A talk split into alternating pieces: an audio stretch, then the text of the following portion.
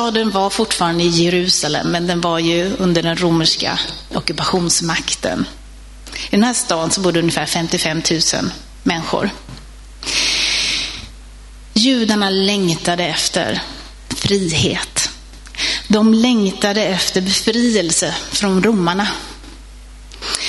Och i deras skrifter, som idag är Gamla testamentet i vår bibel, så lovar Gud att skicka en befriare, en räddare. En mäktig kung från Gud som skulle komma och befria folket och skapa ett fredsrike. Den här kungen från Gud kallades för Messias och han skulle födas i Israels gamla kungasläkt efter kung David. Det här löftet i Gamla Testamentet, det var uttalas flera gånger om. Det här löftet trodde judarna på Jesu tid innebar att, Jesus, att Gud skulle skicka en Messias, en krigarkung som skulle ta makten från romarna och upprätta en judisk självständig nation där judarna kunde få leva i fred och i frihet. När vi kommer in i den berättelse som vi hörde Fia och William läsa här i, i början på gudstjänsten så närmar sig den judiska påsken. Och det var den största religiösa högtiden på året för judarna. Då firade man hur Gud hade befriat judarna många hundra år tidigare från Egypten och från slaveri.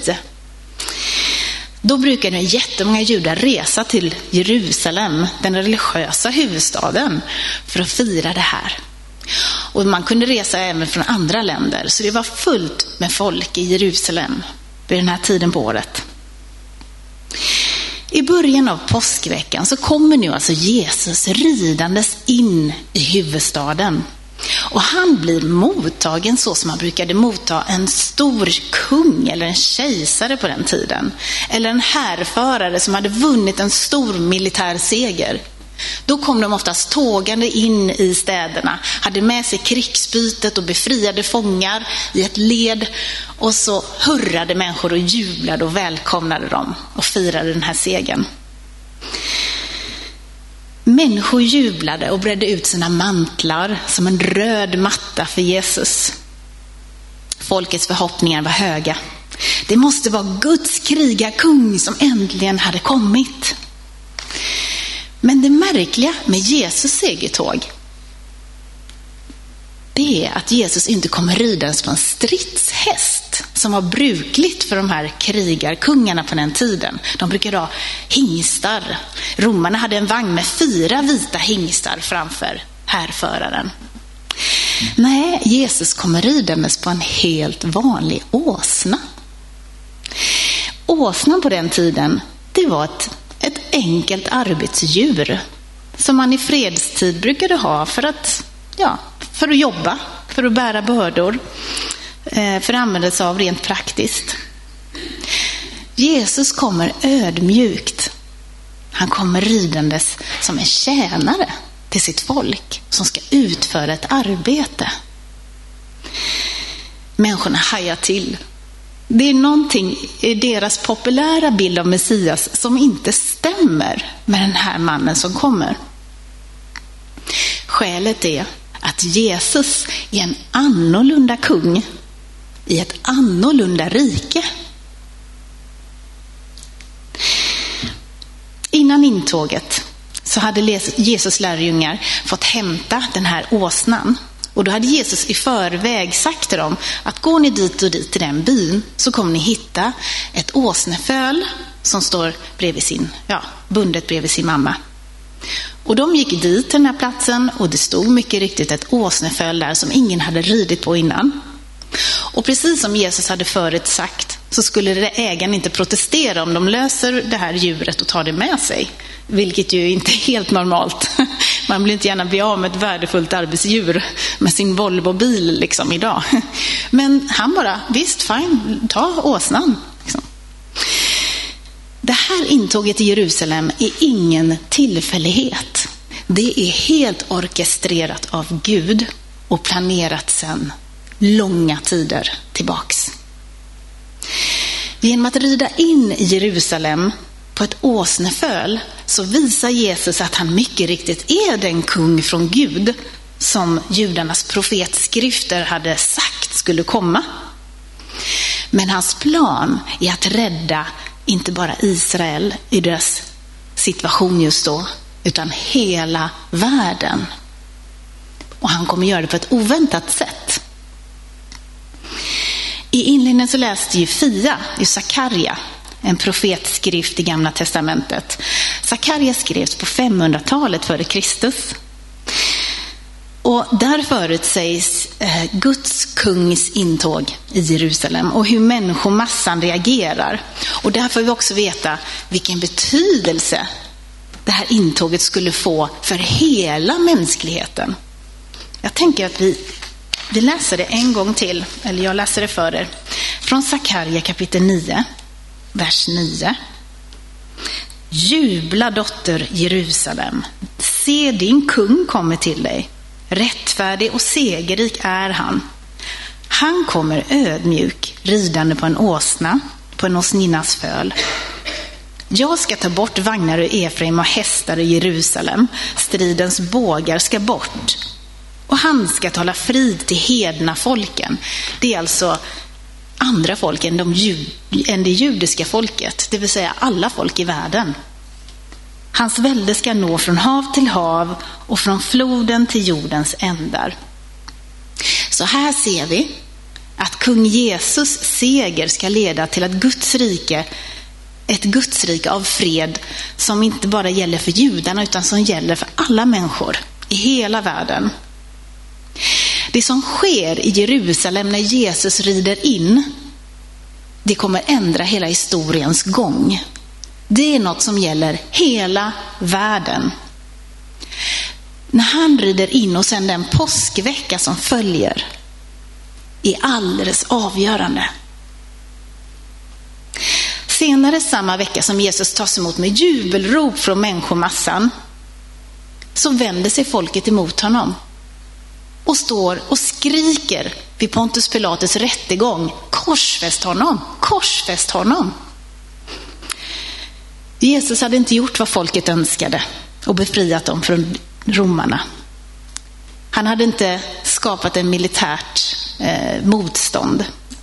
Han hade istället dömt judarnas ledare.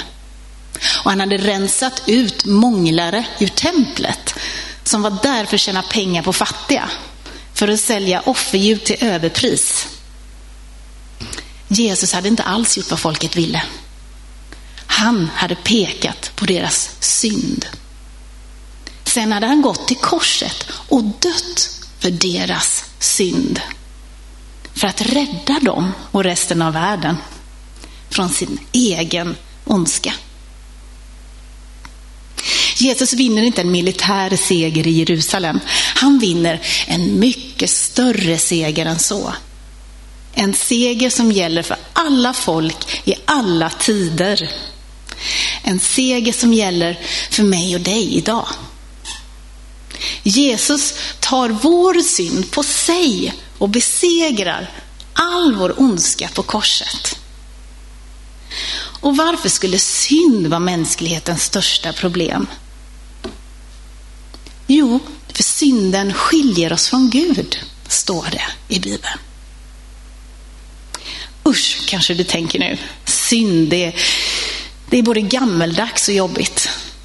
Ja, du har helt rätt. Synd är både gammeldags och jobbigt. Synd är så gammalt så det har funnits ända sedan människan började finnas på den här jorden. Och det är jättejobbigt med synd. För det handlar ju om att vi själva vill bestämma vad som är bra och rätt för oss. Men det gör det inte alltid rätt för det. I tidens början, efter Gud hade skapat en perfekt värld och satt människan där och anförtrott människan den, så gjorde hon uppror mot Gud genom att äta av kunskapens träd. Genom att äta av det träd som Gud hade förbjudit så trodde människan att hon skulle kunna få kunskap som jämställde henne med Gud. Så att hon inte längre skulle behöva Gud och underordna sig någon. Genom att placera kunskapens träd i paradiset så gav Gud människan ett fritt val att underordna sig honom, en god Gud som älskar människan och skapat varje person och vill hennes bästa och älskar henne av hela sitt hjärta. Eller att leva som hon själv föredrog. Upproret mot Gud, det är ju vad synd i grund och botten handlar om. Det här upproret skar av människan från kontakten med Gud, sin skapare. Och människan släppte in det onda i sitt hjärta och i världen. Människans synd är orsaken till att världen ser ut som den gör idag.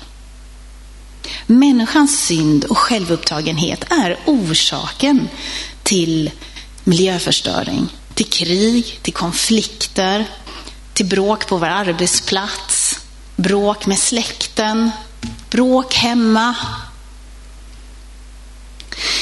Vår synd har skilt oss från en kärleksfull Gud som är den som ger oss läkedom, som är den som är livets källa. Det är därför vi människor blir sjuka och vi dör. Det här är inte Guds tanke från början. Så det är människans synd som har satt kursen mot katastrof i den här världen. Det är inte Gud som älskar oss mer än sitt eget liv. Så Jesus anlände till Jerusalem för att ta vår synd på sig och dö på ett kors. När Jesus uppstår igen efter tre dagar så är hans seger över döden och det onda ett faktum. Jesus har betalt priset för vår synd. Och han erbjuder nu alla människor i alla tider, även dig och mig, förlåtelse för vår synd och möjlighet till en personlig relation med han som har gjort oss. Och vi får evigt liv. Det var det som Jesus tågade in i Jerusalem för att göra. För att göra det möjligt för oss att komma in i Guds rike. Guds rike, det är inte så synligt här i världen än. Men det kommer bli uppenbart för alla en dag, står det i Bibeln, när Herren kommer tillbaka. Ja, vad då Guds rike kanske du tänker, vad är det? Guds rike det är ett liv i nära gemenskap med Jesus. Det ger oss en inre frid. Och det ger oss hjälp redan nu att leva våra liv. Och en dag, när vi tar vårt sista andetag, så kommer vi inte att dö. Utan vi kommer få leva tillsammans med Jesus för alltid i hans rike. Där kommer inte död och sjukdom och lidande finnas mer. Men det är inte bara det, utan även rent konkret, här och nu, så kan vi få uppleva Guds himmelrike i våra liv. För vi som tror, vi får del av Guds heliga ande. Så vi kan be för sjuka som kan bli friska. Och vi kan be för människor som lider av depression, av ångest, att Gud ska lyfta mörkret från dem och göra dem bra. Vi kan be för människor som har dåliga relationer, att deras relationer ska bli helade och kärleksfulla. Allt det här är yttringar av Gud och hans himmelrike, här, redan nu för den som tror. Det här visste människorna som tågade med Jesus in i Jerusalem. De som prisade Gud allra mest, allra högst. Det var inte Jesus militära framgång som gjorde att de jublade. Nej, de hade gjort en personlig erfarenhet av Guds rike. I Lukas kapitel 19, vers 36-40 så står det så här om Jesus intog i Jerusalem och om de människor som följde Jesus i hans segertåg. Alla fyra evangelier skriver ju om det här intåget i Jerusalem, den här avgörande händelsen i historien. Så här står det. Och, han, och där han red bredde man ut mantlar på vägen. När han närmade sig sluttningen av Olivberget började hela skaran av lärjungar i sin glädje att prisa Gud med hög röst för alla kraftgärningar de hade fått se. Välsignad är han som kommer, kungen i Herrens namn, frid i himlen och ära i höjden. Några fariseer i folkmassan sa då till honom, Mästare, säg åt dina lärjungar. Han svarade, jag säger er, om de tiger så kommer stenarna att ropa. Bibeln berättar att vart Jesus än gick så helade och hjälpte han människor. Vart han än gick så började folk prisa Gud. Människorna som hade mött Jesus, de hade gjort en egen erfarenhet av hans godhet och hans makt. Och de kunde inte hålla tyst. De bara jublade av glädje. Strax innan Jesus intåg så beskriver Lukas, som har skrivit Lukas evangeliet, hur Jesus hade gästat Sackeus. Han var en tullindrivare och en väldigt impopulär person. Eftersom tullindrivare ofta tog mer än vad de skulle från folket som var fattiga. Men Jesus älskar alla. Han älskar de som är utstötta. Han såg Sackeus som hade klättrat upp ett träd för att få se Jesus när han kom förbi i en folkmassa. Och han kan redan Sackeus namn. Han känner oss alla, Jesus. Så han säger bara, Sackeus, jag vill hem till dig idag. Jag vill hem och käka med dig. Och Sackeus bara, va? Mig? Vill han träffa mig? Men jag som är en hemsk person. Men han springer ner glad och bjuder in Jesus. Och Sackeus tar emot Jesus i sitt hjärta den dagen. Och han förändras i ett slag. Så vi kan läsa att det står att hans förvandling är så radikal så han reser sig upp på festen. Alltså Sackeus var ju rik på grund av alla de här eh, skatten som han hade tagit för mycket. Eh, så han bara säger, hälften av allt jag äger ska jag ge till de fattiga. Och har jag lurat någon på pengar så ska jag ge fyra gånger så mycket tillbaka. Han släpper Sackeus som har varit hans enda tröst och viktig, liksom som har gjort honom viktig i livet. Och bara, betyder ingenting. Jesus är här. Liksom. Ensamma Sackeus kunde inte hålla sin glädje tillbaka efter att han hade mött Jesus. Och I Matteus evangeliet så berättas om hur Jesus strax innan intåget i Jerusalem helar två blinda tiggare som sitter längs vägkanten, desperata, ständigt mörker, inget skydd, vet inte någon som kan komma och stjäla något från dem när som helst, sitter bara där, helt, helt utlämnade. Och så hör de att Jesus kommer och då ropar de Jesus förbarma dig över oss. Och Jesus bara, vad vill ni jag ska göra för er? Hela, ge oss prosyn syn tillbaka. Och han bara botar dem direkt. Och de reser sig upp, står det, och följer med i tåget in i Jerusalem. Med i Jesus jublande tåg. Och med i tåget gick redan en grupp människor som någon, en vecka tidigare ungefär, lite mer, hade bevittnat hur Jesus hade uppväckt Lazarus från de döda. Lazarus som redan hade legat begraven i fyra dagar kommer ut ur sin grav. Det var ju, begravningen pågick i flera dagar på den här tiden, den här judiska begravningen. Så det var jättemånga människor som såg det här hända. Och den här nyheten slog ju ner som en bomb i Jerusalem. Och de gick runt och berättade för alla, den här killen har uppväckt en begravd man från de döda. Och vi har sett det. Här kommer en kung som har makt över allt, till och med döden. Så Jesus är en annorlunda kung i ett annorlunda rike. Och effekten av Jesus och Guds rike, den är densamma hos människor som möter Jesus idag. Jag träffade en gång en kvinna som arbetade med att hjälpa alkoholister att bli fria från sitt missbruk. Och hon var väldigt angelägen om att så ofta hon kunde berätta om att hon trodde på Jesus. Och efter ett tag så förstod jag varför. Hon berättade för mig att när hon fortfarande drack så led hon av en sån otrolig ångest.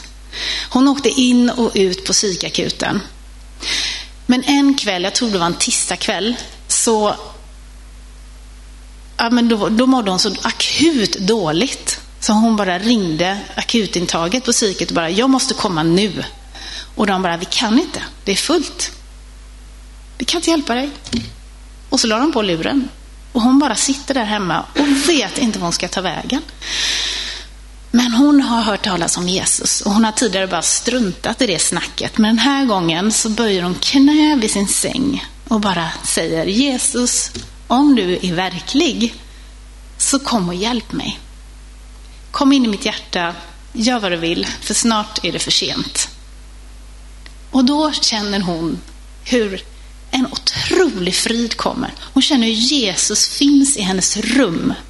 Och hon bara känner en frid som hon aldrig har känt innan. Som ingen och ingenting har kunnat ge henne innan. Hon blev nykter. Men hon kunde inte hålla tyst om Jesus efter det här. Man bara märkte det bara liksom, så fort hon fick chansen. Och jag har redan berättat i en annan gudstjänst om en man som jag mötte i en kyrka i USA, i Virginia. Han hade varit hemlös. Hemlös. Och han hade gått till kyrkans entré för att käka, för de serverade mat där. Och då hade han hört musik inifrån gudstjänsten, så han hade gått in och satt sig bara för att lyssna på den fina musiken. Och när han sitter där i lovsången så känner han hur det händer något med hans ena öga som han föddes blind på. Och det ögat helas i lovsången och han får sin syn tillbaka. Så när jag kom så stod han i dörren till kyrkan och bara välkomna! Och han bara strålade och han bara berättade för så många han kunde om att han hade fått sin syn tillbaka av Jesus. Och när jag pluggade till pastor så hade jag en klasskompis och i början tyckte jag det var lite tjatigt, för jag tyckte hon skulle alltid be. Ja, men om vi skulle göra ett grupparbete och det var bråttom in med det här och, och vi kände tidspress allihop, så, så nej men vi kan väl be först, sa hon. och vi bara, ja ja. Men efter ett tag när vi lärde känna varandra bättre så började hon berätta om hur hon och hennes man hade haft ett jättejobbigt äktenskap. Och de hade bestämt sig för att skiljas. I stort sett bestämt sig. Ehm, men av någon anledning så tänkte de skulle testa och be tillsammans först. Så de började be tillsammans. Och det hände något så märkligt som att de bara fick kärleken tillbaka till varandra. Och fick det jättebra. Så de bara fortsatte att be och läsa Bibeln tillsammans. Och när, vi, när hon berättade det här för mig så hade de gjort det i flera år. De ville inte sluta. Och hon sa, vi har aldrig haft det bättre. Jag tror inte man kunde få känna så här när man var gift. Hon hade insett att Jesus svarar på bön. Och, att, och nu var det liksom som att hon bara inte ville sluta be. Jesus var en annorlunda kung som kom tågandes in i Jerusalem 30 år efter Kristus. Folket ville ha en kung som skulle göra vad de önskade men Gud som har skapat alla, han visste bättre. Han vet att den räddning som vi människor behöver är mycket djupare än en militär seger. Det är mycket viktigare än att ha vår försörjning på plats eller att bo i ett fritt välfärdsland, även om det också är bra. För trots att vi lever i ett fritt välfärdsland och har liksom det mesta som vi behöver, så mår många av oss inte bra. Vi får aldrig uppleva den djupa frid som ett liv med Jesus ger. Och hur rika vi än är, så skyddas vi inte mot sjukdom och död. Så här sa Jesus till en ansedd judisk ledare som sökte upp honom en natt för att få svaret liksom på vad grejen var med Jesus, vad det var han hade. Jag tror han ville ha svaret på problemet i hans liv. Han hette Nikodemus. Och så sa Jesus, jag säger dig sanningen. Den som inte blir född på nytt kan inte se Guds rike. Nikodemus frågar då hur all sin dag han ska kunna bli född på nytt. Och så svarar Jesus, så älskade Gud världen att han gav den sin enda son för att var och en som tror på honom inte ska förgås utan ha evigt liv. Var och en som tror på Jesus ska inte gå förlorad utan få del i Guds rike.